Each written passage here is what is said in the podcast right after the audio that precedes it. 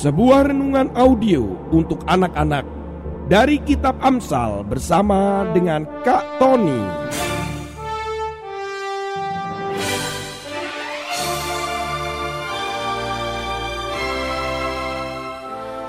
Audio inspiring message for kids. Selamat menikmati dan mendengarkan.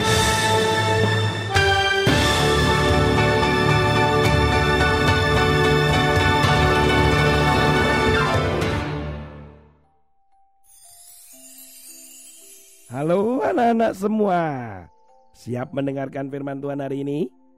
Kak Tony akan baca firman Tuhan hari ini dari kitab Amsal loh Amsal pasal yang ke-12 ayat yang ke-11 Siapa mengerjakan tanahnya akan kenyang dengan makanan. Tetapi siapa mengejar barang yang sia-sia tidak berakal budi. Di Prancis, regu penyelamat pada kebingungan. Kurang lebih ada 50 petugas penyelamat dengan menggunakan derek digunakan untuk evakuasi seseorang yang ada di kota Perpignan. Orang itu bernama Alain. Alain ini memiliki bobot atau berat badan 250 sampai 300 kilo. Wah, kali ini pertolongan daripada si Allen ini adalah yang kedua kalinya. Pernah dilakukan pertolongan kepada Alain pada bulan Desember 2019. Tetapi upaya menolong dia untuk mengeluarkan dari ruangan apartemen, Alain keberatan dan tidak mau diturunkan dari ruang apartemennya. Tapi kali ini Alain harus turun atau harus keluar dari apartemennya. Sehingga 50 petugas penyelamat saat itu kebingungan bagaimana mengeluarkan si Alain. Yang menjadi masalah karena berat badannya itu dan Alain sulit bergerak. Mengapa Alain harus dikeluarkan? Karena Alain itu terjatuh dan sulit untuk bangun. Ini kalau dibiarkan maka bisa celaka buat tubuh Alain. Oleh karena itu tim penyelamat menggunakan bantal tiup atau bantal angin untuk mengangkat pria tersebut.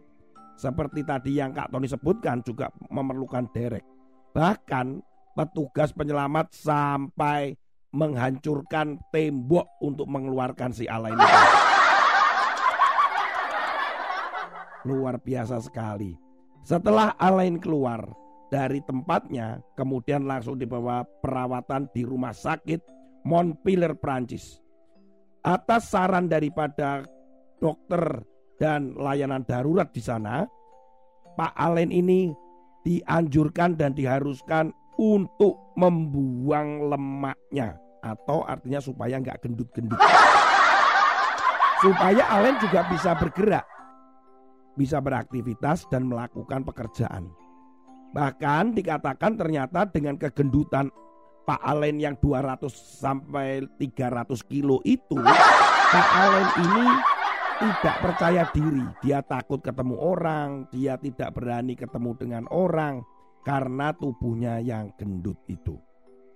Anak-anak, seperti firman Tuhan tadi, dikatakan bahwa yang rajin yang mengerjakan tanah itu yang mendapatkan makanan.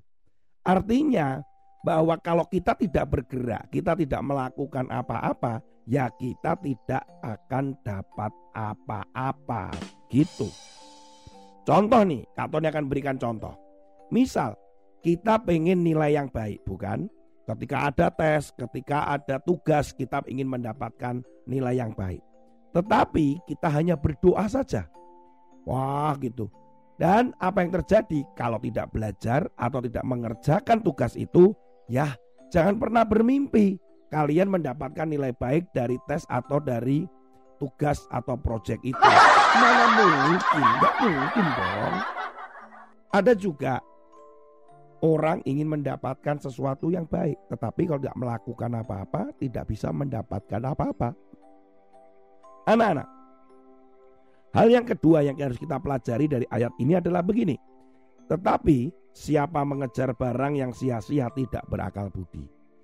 Hati-hati di dalam membeli sesuatu atau menginginkan sesuatu. Aku ingin itu, aku ingin ini. Nah, seperti Doraemon aja.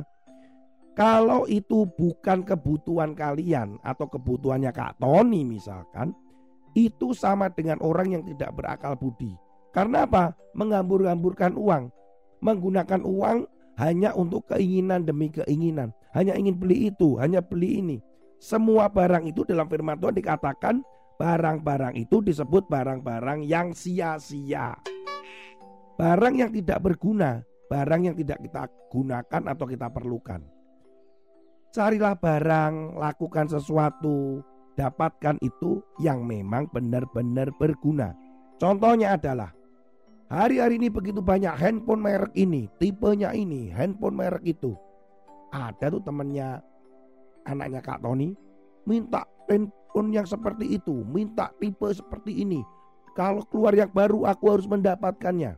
Ah, wah, wah, wah. Itu semuanya sia-sia anak-anak. Kenapa? Karena bukan kebutuhan, itu hanya keinginan. Itu semua sia-sia. Handphone yang lama masih bisa dipakai, handphone yang lama masih bisa digunakan dengan baik. Mengapa harus ada handphone yang baru? Tapi hati-hati, jangan-jangan nanti handphone yang lama dibanting juga. Waduh. Anak-anak, perhatikan baik. Janganlah mengejar barang atau berusaha membeli barang yang tidak ada gunanya, yang hanya keinginanmu dan tidak sesuai dengan keperluanmu itu disebut orang atau anak yang tidak berakal budi. Itu bahaya sekali. Jadi ada dua hal hari ini kita belajar anak-anak. Yang pertama, kalian harus rajin melakukan sesuatu. Tidak cukup banyak berdoa saja, tapi lakukan sesuatu dan engkau akan mendapatkan hasilnya. Yang kedua, hati-hati.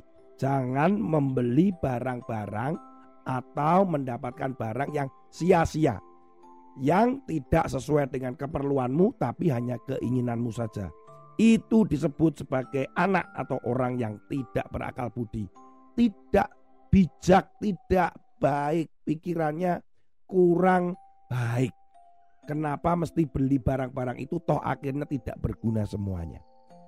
Jangan merengek-rengek kepada orang tuamu untuk meminta semua barang apa pun kalau itu bukan keperluanmu. Tuhan Yesus memberkati Jadilah anak yang memiliki akal budi, jadilah anak yang rajin untuk bekerja keras, belajar dan melakukan sesuatu yang terbaik. Engkau akan mendapatkan hasil yang terbaik bersama dengan Tuhan Yesus. Tuhan Yesus memberkati kalian semua.